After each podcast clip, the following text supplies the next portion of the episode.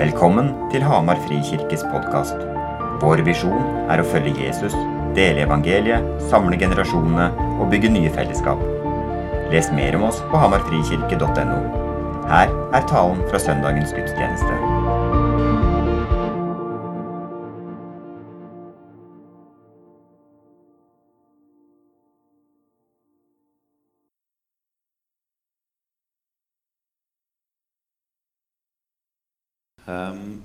For, eh, for litt over en uke siden så, så hadde jeg en samtale med mentoren min. Og da var det litt sånn derre Ok, det, det, skjer en del greier. Nå trenger jeg en prat.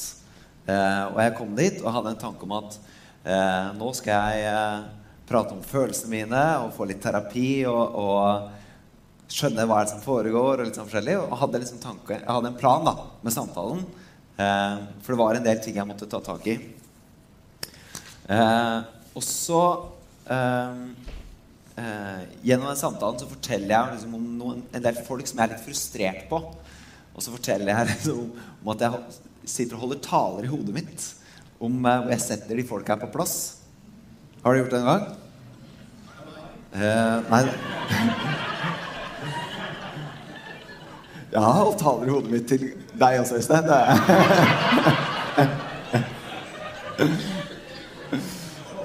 Ja, det, det, var begge deler. Men ikke sant, poenget er, da Det er noe med når jeg føler at jeg har rett, og så begynner jeg å se på hva andre rundt meg gjør, og så begynner jeg å holde taler, og så rettferdiggjør jeg mine meninger, mine holdninger, og så setter jeg skapet på plass. Dere tar feil, dere gjør sånn. Og så begynner det å uh, skje ganske mye på innsida. Uh, og så fortalte jeg om det her til mentoren min. da.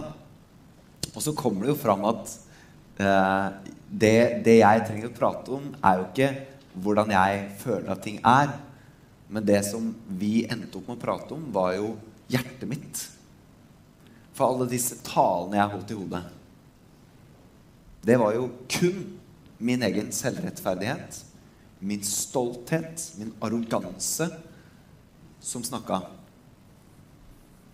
Så når jeg holdt taler til Øystein, så er det jo meg sjøl som er problemet.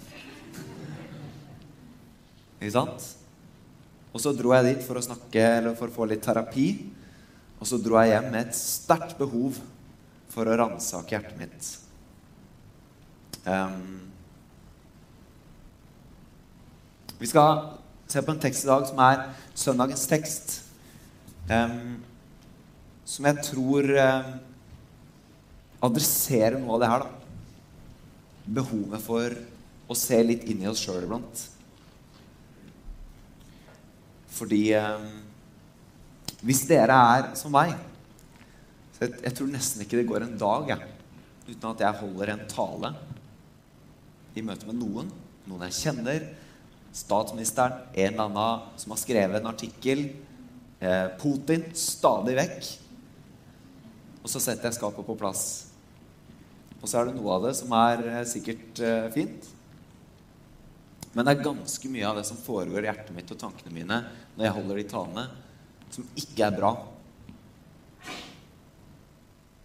Og hvis dere ikke har det sånn, så eh, tror jeg dere ljuger for dere sjøl.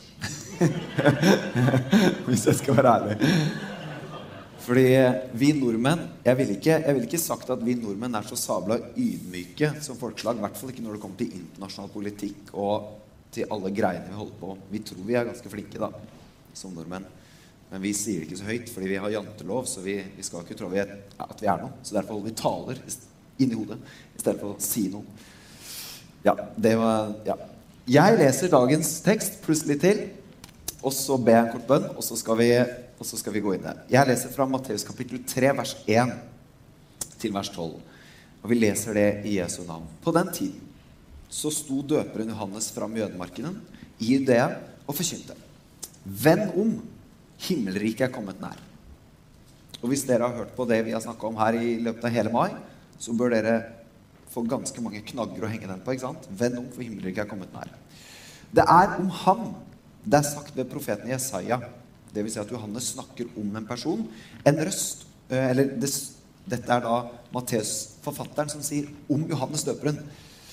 Um, en røst roper i ødemarken, rydd Herrens vei, gjør hans stier rette. Johannes han hadde en kappe av kamelhår og et lærbelte om livet. Og maten hans var gresshopper og honning.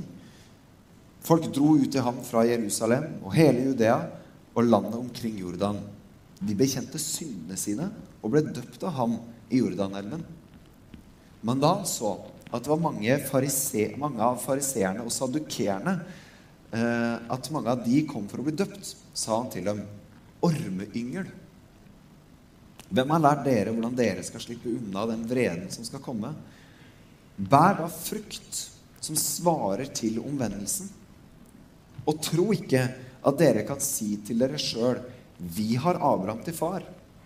For jeg sier dere, Gud kan reise opp barn for Abraham av disse steinene. Øksen ligger allerede ved roten av trærne. Hvert tre som ikke bærer god frukt, blir hugget ned og kastet på ilden. Jeg døper dere med vann til omvendelse. Men han som kommer etter meg, er sterkere enn jeg, og jeg er ikke verdig til å ta av ham sandalene. Han skal døpe dere med Den hellige ånd og ild. Han har kasteskovlen i hånden og skal rense kornet på treskeplassen. Hveten sin skal han samle i låven, men agnene, agnene skal han brenne opp med en ild som aldri slukker.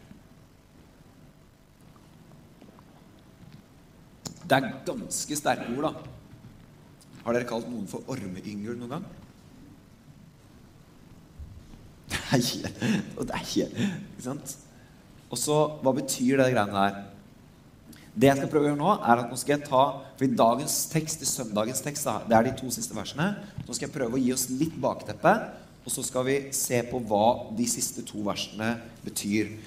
Men ikke sant? Som jeg nevnte, det Johannes sier, er 'venn om, for himmelriket er kommet nær'. Og som jeg sa, det har vi snakka masse om de siste ukene. Eh, og dette er, dette er, på en måte eh, Johannes som adresserer det samme som det Jesus hadde snakker om og prekte og praktiserte. Guds rike kommer nær. Så venn om. Og det ordet 'venn om' det er viktig i dag. Omvendelse. Så omvendelse, Hvis du går til det hebraiske språket, så betyr omvendelse det betyr å snu en annen retning. Altså endre retning på ting. Hvis du går til det greske språket, så betyr omvendelse det betyr å få et nytt sinnelag. En ny tanke. En ny holdning. Så det han sier, er dere må snu retningen. Dere må få endra sinnelaget deres for å ta imot det som kommer. Og det her snakka han til. Han sa det til masse folk. For det kom masse folk til han og ble døpt. Og han sa dere må endre retning på ting. Dere må få et nytt sinnelag. Fordi Guds rike har kommet nær. Og på den måten så drev Johannes og rydda vei for han som skulle komme. Og når du går til dette ikke sant, 'Rydd Herrens vei, gjør han sier rette', det er et sitat fra Gammeltestamentet. Og i Gammeltestamentet så står det eh, 'gjør Guds veier rette'. Mens her så står det 'gjør hans'. Så det, jo, det Johannes peker, gjør, er at han peker fram mot Jesus som kommer. Sant? Jesus kommer. Nå må vi rydde vei for Jesus. Hvordan gjør vi det? Jo, vi må omvende oss. Dere må endre retning. Dere må endre sinnelag for å gjøre veien, veien rett for Jesus. For å kunne ta han imot. Ikke sant? Og så kommer denne setningen, da. Eh, da han så mange av fariseerne og sadukerene. Altså disse, denne religiøse eliten, disse to ulike politiske og religiøse partiene som hadde veldig sterke meninger om veldig mye. Når han ser at de kommer til ham, da ville jo jeg tenkt Oi, de kommer til meg! Det er jo helt konge. La oss få dem døpt. Få greiene på plass. Men i stedet for så blir han jo sint. Det er merkelig at han blir sint når folk kommer til den. Men det er som om han ser gjennom det ytre handlingen og ser til hjertelaget. Og så kaller han dem for ormeyngel. Og når det ordet brukes, så blir jo det en slags referanse til Gamle Testamentet, til skapelsesberetningen, til slangen som frista Adam og Eva. Det er ganske heftig, da. Når Johannes gir et slags hint til at Dere er i tråd med han som frista Adam og Eva.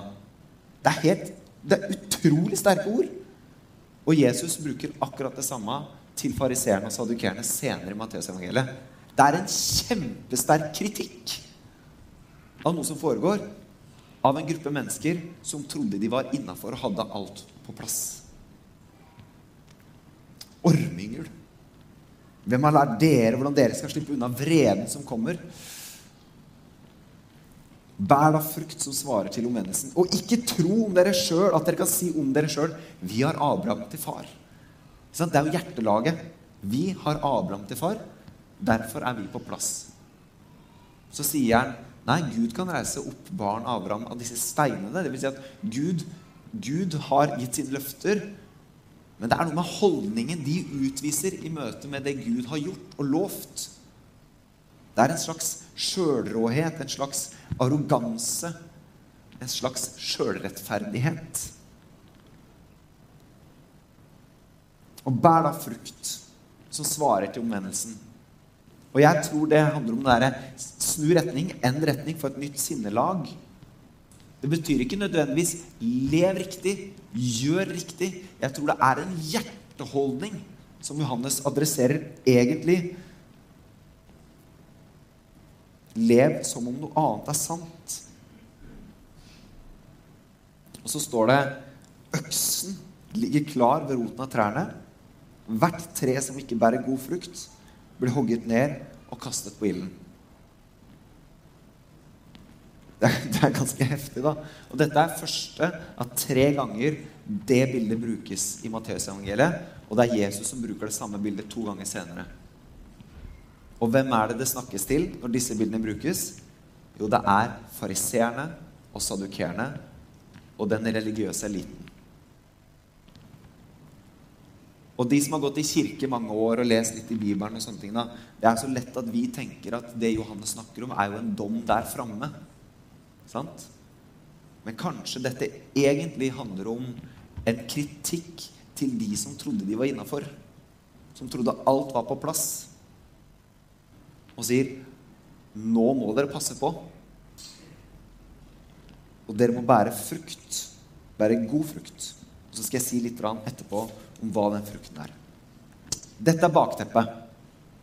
Så det vi hører, er Det er svære ord. Det er et alvorlig bakteppe. Det er ganske sterkt, da. Okay? Så det er bakteppet. Og så leser vi vers 11 og 12 en gang til, som Johannes sier. Jeg døper dere med vann til omvendelse. Men han som kommer etter meg, er sterkere enn jeg og jeg er ikke verdig til å ta av ham sandalene. Det vil si, jeg er ikke engang verdig til å være slaven hans, er det han sier. Han skal døpe dere med Den hellige ånd og ild. Han har kasteskovlen. En kasteskovle er en sånn svær spade. I hvert fall norsk kasteskovl som man brukte til å skille og rense korn. Så det er en svær spade eller en tregaffel, et verktøy han snakker om. Han har kasteskovlen i hånden og skal rense kornet på treskeplassen. Hveten sin skal han samle i låven, men agnene skal han brenne opp med en ild som aldri slokker. Og På de to versene her så brukes det et vanvittig bildespråk. Veldig mye bilder med veldig mye teologi, veldig mye mening, som jeg skal prøve å ta oss litt inn i. For det første vann. Dåpen. Ikke sant? Eh, jeg, bare så det sagt, jeg tror ikke dette er en tekst som egentlig snakker om dåp. Jeg tror det er en tekst som snakker primært om Den hellige ånd. Men vannbildet som brukes her Og dåp var jo et kjent fenomen. De visste hva dåp var, som et slags renselsesbad. Det var ikke uvanlig. Og dette, som hvis du tenker sånn geografisk, dette er ganske nærme et, eh, et område som het Komran, hvor det var et lukka samfunn som levde. Som praktiserte dåp jevnlig for å rense seg en jødisk eh, lukka gruppe som levde ute i ørkenen i huler og sånne ting. Det her foregår ikke så langt unna. Slik at De ville liksom tenkt her er det noen greier, her er det noen referanser, her er det noe renselse, renselse på gang. Og det er jo det Johannes dør, gjør. ikke sant? Han døper til omvendelse, til ny retning. Og så kommer han og sier men han som skal komme, døpe dere nå, han skal døpe dere med en hellig ånd og ild. Han bruker dåpen som et bilde for å si det kommer noe som dere skal neddynkes i. For de, ble jo dykka helt ned i vann, ikke sant? Og han skal dynke dere helt ned i Guds nærvær og med ild. Det er et ganske kraftig bilde som brukes på noe som er altoppslukende, som dekker hele meg. Ikke sant? Og så er jo vi en luthersk kirke som når vi døper barn, så, så dypper vi litt vann på hodet. Symbolikken er litt svakere. Og de ville ikke tenkt det. ikke sant? De ville sett hele meg skal dekkes i Guds nærvær. Og de, det er ikke sikkert at det hadde føltes utrolig gøy. Fordi forholdet til Guds nærvær var jo noe som var så hellig at du kunne jo ikke nærme deg det. Ikke sant? Det var noe veldig stort, hellig, nesten skummelt å møter Guds nærvær. Og så kommer Johannes og sier dere skal dekkes med det. Så hvilke følelser hadde de kjent på da? Sant? I tillegg til, til det så er dette vannbildet det knytter jo videre til eh, For de av dere som husker liksom, bibelfortellingen fra Gammeltestamentet med Noas ark. Noah som, eh, hvor det regna, og, og hele verden ble dekt med vann. Så står det liksom om vannet som et rensende, hvordan Gud brukte en storm og vann for å rense hele verden. Når Israelsfolket gikk gjennom ørkenen, så gikk de, eller for å komme til ørkenen, så gikk de gjennom en sjø hvor Moses skilte vannet. De gikk gjennom sjøen.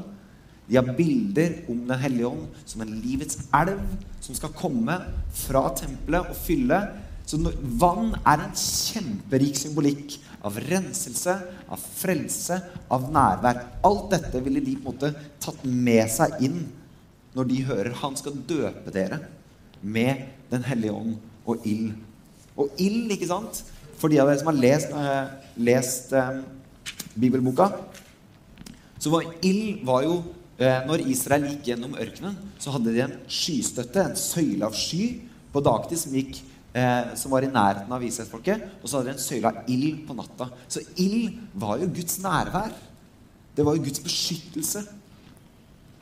Så ikke sant? Bare, det kan være det blir litt mye for dere å ta det inn over dere. Poenget mitt er det er en vanvittig rik symbolikk som ligger i språkbruken, som ville gitt masse assosiasjoner. Og slik jeg leser det, så handler assosiasjonene primært om renselse og om Guds nærvær. Om en vasking og en rensing. Når vi, i hvert fall som en frikirke, da, som har en del røtter i den karismatiske verden Når vi hører Den hellige ånd og blir døpt i Den hellige ånd, så er det ikke så uvanlig eh, for jeg, og, og, og, jeg måtte liksom jobbe med dette sjøl. Så er det ikke så uvanlig at vi tenker ok, Den hellige ånd blir døpt med Den hellige ånd. Det innebærer en svær åndelig erfaring. Også kraft til helbredelse, kraft til profeti, svære undre, masse greier. Et stort uttrykk. En fysisk opplevelse. Sant? Jeg tenkte i hvert fall det når jeg liksom satte meg der. Bare, er det det her det handler om? Men jeg tror at dette snakkes ikke om en åndelig erfaring som er altoppslukende, som leder til helbredelser, som leder til alle disse greiene. Jeg tror det det egentlig snakkes om her, er en renselse, en vasking. Og at Den hellige ånd er en som vasker, og en som renser. Og så er spørsmålet Når vi forholder oss til Den hellige ånd som tredje person i treenheten, tenker vi at det innebærer vasking? Rensing? Rommer vi det som en del av bildet? Og så kommer det neste spørsmål. Er vi villige til å vaskes, og er vi villige til å renses? Og hvordan ser det ut? Fordi det neste som står, er at Jesus han har kasteskovlen i hånden. Og han skal rense kornet. Han skal skille hveten fra agnene, altså det som pakka inn frøet. Og så skal han samle hvetekornet, og så skal han brenne opp vagnene. Er vi der at vi rommer at Den hellige ånd er en rensende person. Og er vi villige til å la oss rense? Ok. Ta det spørsmålet med dere videre. La meg si litt om den, akkurat det med dom og renselse. For jeg tenker at det, det, er såpass alvorlige ord som brukes her, store ord, at jeg tror jeg må kommentere det. Um, det med måte, den renselsen der kasteskovlen La meg bare vise hvordan det fungerte. I hvert fall sånn det fungerer i Norge. Så hadde man masse korn som man samla inn på låven. Og så hadde man eh, en, si, et tomt eh, gulv foran seg mot en vegg.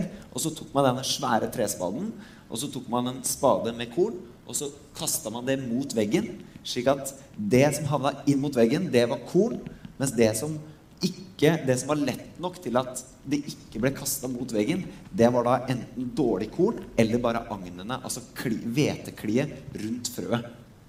Og der, sånn så klarte man å skille det som var mat, fra det som ikke var mat. Og så kunne man sope unna, rense, skille. Hvis jeg har skjønt hvordan norsk jordbrukssamfunn fungerte. Eh, mens eh, hvis jeg har skjønt det riktig i forhold til Israel, så gjorde man det samme, bare at man kasta det opp i lufta og så tok man inn og blåste agnene unna. Eh, poenget er at det er en renselse. Det er en, en, en, en metode for å skille noe. Og igjen da er det veldig lett at vi tenker at dette handler om noe som skal skje der framme. Men det som står, er at Jesus har eh, holdt på å si, kasteskovlen i hånden nå. Det er noe som skjer nå. Øksen ligger ved roten av treet nå. Det pekes ikke på noe som skal skje der framme. Det er som det er noe som allerede foregår. Og jeg tror at fordi det som skjer her, er at Johannes snakker jo ikke til oss. Han snakker til en gruppe mennesker som hører han.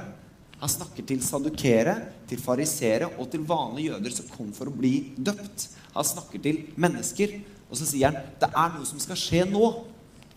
Og jeg tror at det det egentlig snakkes om her, er at denne renselsen det handler om de som tar imot Jesus. Slik at den gode frukten som Johannes snakker om at bær da frukt som svarer til omvendelsen. Omvendelsen er å vende retning for et nytt sinnelag. Frukten er å ta imot Han som kommer. Dere må ta imot Han som kommer. Han som har lova. Messias. For når Han kommer, så skal Han gi dere Den hellige ånd. Jeg tror det er det det snakkes om. Ikke noe som skal skje der framme, men en adressering til en gruppe mennesker som blir stilt på valg. Dere må ta imot Jesus som kommer nå. Og det er der renselsen foregår. At renselsen skjer mellom de som tar, tok imot Jesus da som Messias, eller de som ikke gjorde det. Og så er det interessant at denne renselsen foregår fortsatt. Det er noe som pågår, ikke noe som skal skje der framme. Så omvendelsen det snakkes om, er rett og slett et skifte av sinnelag, et skifte av retning, med fokus på å ta imot Jesus. Jeg tror, i hvert fall de som har vært mye i kirke, når vi leser sånne tekster Jeg, jeg, jeg skal, ikke, jeg skal snakke for meg sjøl. Når jeg leser sånne tekster, så er min første respons dette handler om himmel og helvete der framme. Og så står det i veien for hva som kanskje egentlig står. Og jeg tror det som egentlig står Jeg sier ikke at det ikke er alvorlig, men jeg sier at det peker ikke på noe som skjer der framme. Det pekte på noe som skjedde da Jesus kom. At med Jesus så kom det en som skal skille noe, rense noe. At det avgjørende var tok de imot han? Det Teksten sier ikke så mye om hva som skjer der framme. Det sier noe om hva som skjer i møte med Jesus. Og så går det an å jobbe mye mer med teksten, det er ikke det jeg sier, og så finne mer teologi. Men jeg tror at spørsmålet er adressert først til fariseerne og sadukerene som trodde de hadde alt på plass, og som ble stilt på valg. Dere tror at dere har alt på plass. Og så er spørsmålet er dere villig til å bære god frukt, nemlig ta imot Han som kommer. Tilbake til det jeg starta. I mitt møte med en mentorsamtale. da jeg opplevde at jeg kom for å få litt terapi og få litt eh, hjelp til å snakke om følelser og skjønne hva som foregikk i livet mitt. Og så dro jeg hjem med en tanke om at å, kjære min tid, her var det veldig mye å ta tak i. Og mentoren min han sa det på den måten her. Det skjer noe når vi ser mennesker for deres sår, og ikke deres synder. Innforstått? De menneskene som jeg holdt taler til, jeg så dem kun for deres synder, alt de gjorde galt. Men ikke for deres sår. Altså, hva er det som ligger bak? Hva er deres historie? Jeg viste dom, ikke forståelse og empati. Og jeg var selvrettferdig, ikke kjærlig. Jeg var stolt og arrogant, ikke ydmyk. Og dette var en helt vanlig fredag, hvor jeg følte meg ganske bra. Og når jeg begynte å dykke ned i ting, så innså jeg at oi, her er det jo ganske mye i mitt hjertelag som sier noe om hvordan jeg forholder meg til meg sjøl og til menneskene rundt meg. Og mentoren min han sa aldri noe hardt, men jeg følte at jeg dro hjem skikkelig arrestert. Jeg tror at det var Den hellige ånd som prøver å rense noe i meg. Og det var godt og vondt på samme tid. Det var ikke noe jeg hadde gjort galt. Jeg hadde ikke sagt noe. Jeg er fornuftig nok til å ikke si så, si så mye stygt. Stort sett. Men det som ble avslørt, det var veldig mye på innsida. Så alle mine flotte taler, og jeg setter skapet på plass, som jeg holder om ikke daglig, så hvert for ukentlig. Hvor er det det egentlig kommer fra? Og hvilke taler er det du holder? Og hvem er det du holder imot?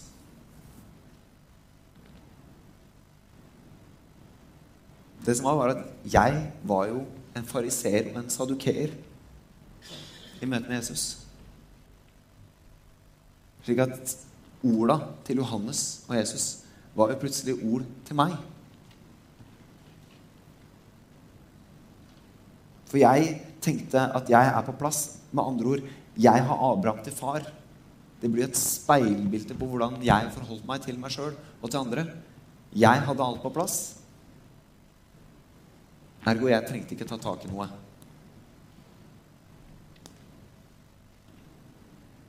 Og det er fascinerende når vi begynner å åpne oss opp for hvordan vi egentlig er, på godt og vondt,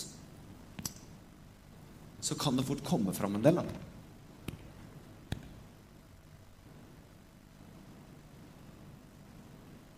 Jeg har jo sagt før at jeg er jo svigermors drøm. Forstått som at jeg er en ganske fin type. Og så, og så er det én mentorsamtale på en time. Og så kommer det fram en del greier i meg, da.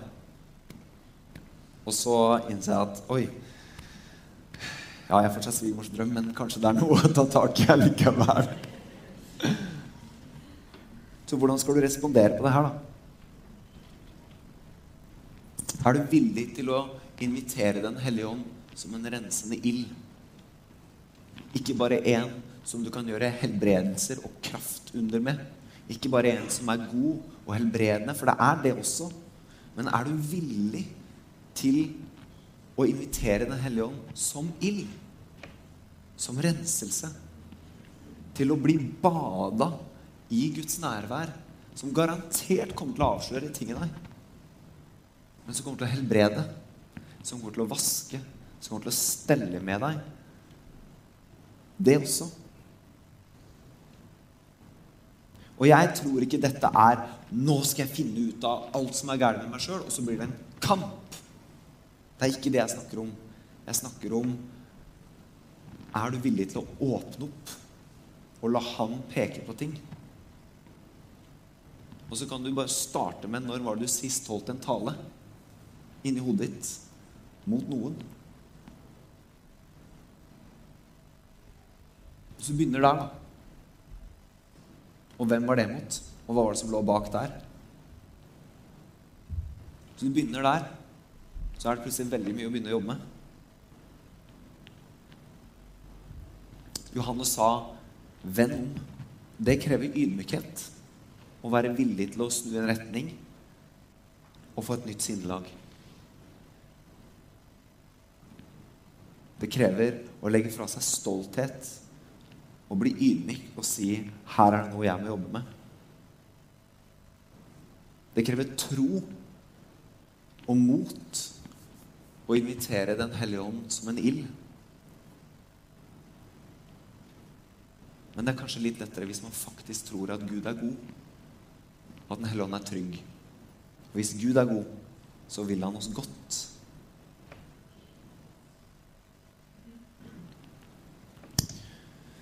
Så det vi skal gjøre nå, før lovsangerne eh, skal lede oss i et par sanger Dere kan bare komme opp. Så skal jeg være stille. Vi skal være litt stille. Og så skal vi be. Og så kan du få starte der. Din siste tale inni hodet ditt til noen. Begynn der. Og så skal vi be Gud om å ransake oss og peke på noe i vårt liv. Og hvis du kjenner at 'dette har jeg behov for å gjøre noe med', så er det mulighet for å komme fram og legge et stein på korset. Du kan tenne et lys. Det er forbønn under galleriet bak der. Eller du kan gi det til Gud der du står eller sitter i benkeradene. Og så skal vi be en hellig ånd om å komme som ild.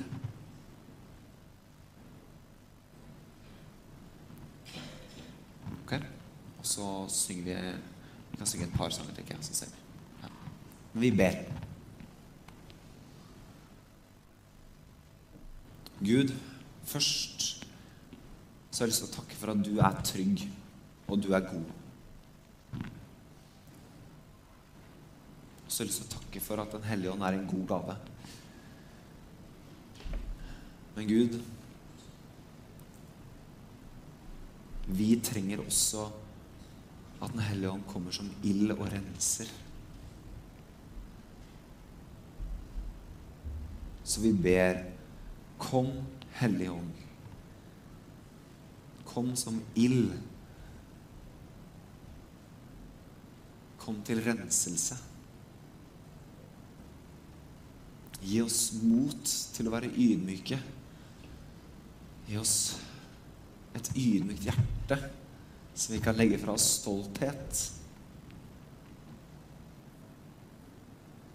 Og så ber jeg Gud for min egen del kan du tilgi meg for alle de eh, sjølrettferdige og hovmodige og arrogante talene jeg stadig holder? Tilgi meg når jeg ikke ser mennesker med empati og et ydmykt hjerte, men jeg ser dem for deres synd. Tilgi meg når jeg definerer andre som mindre verdt enn meg sjøl.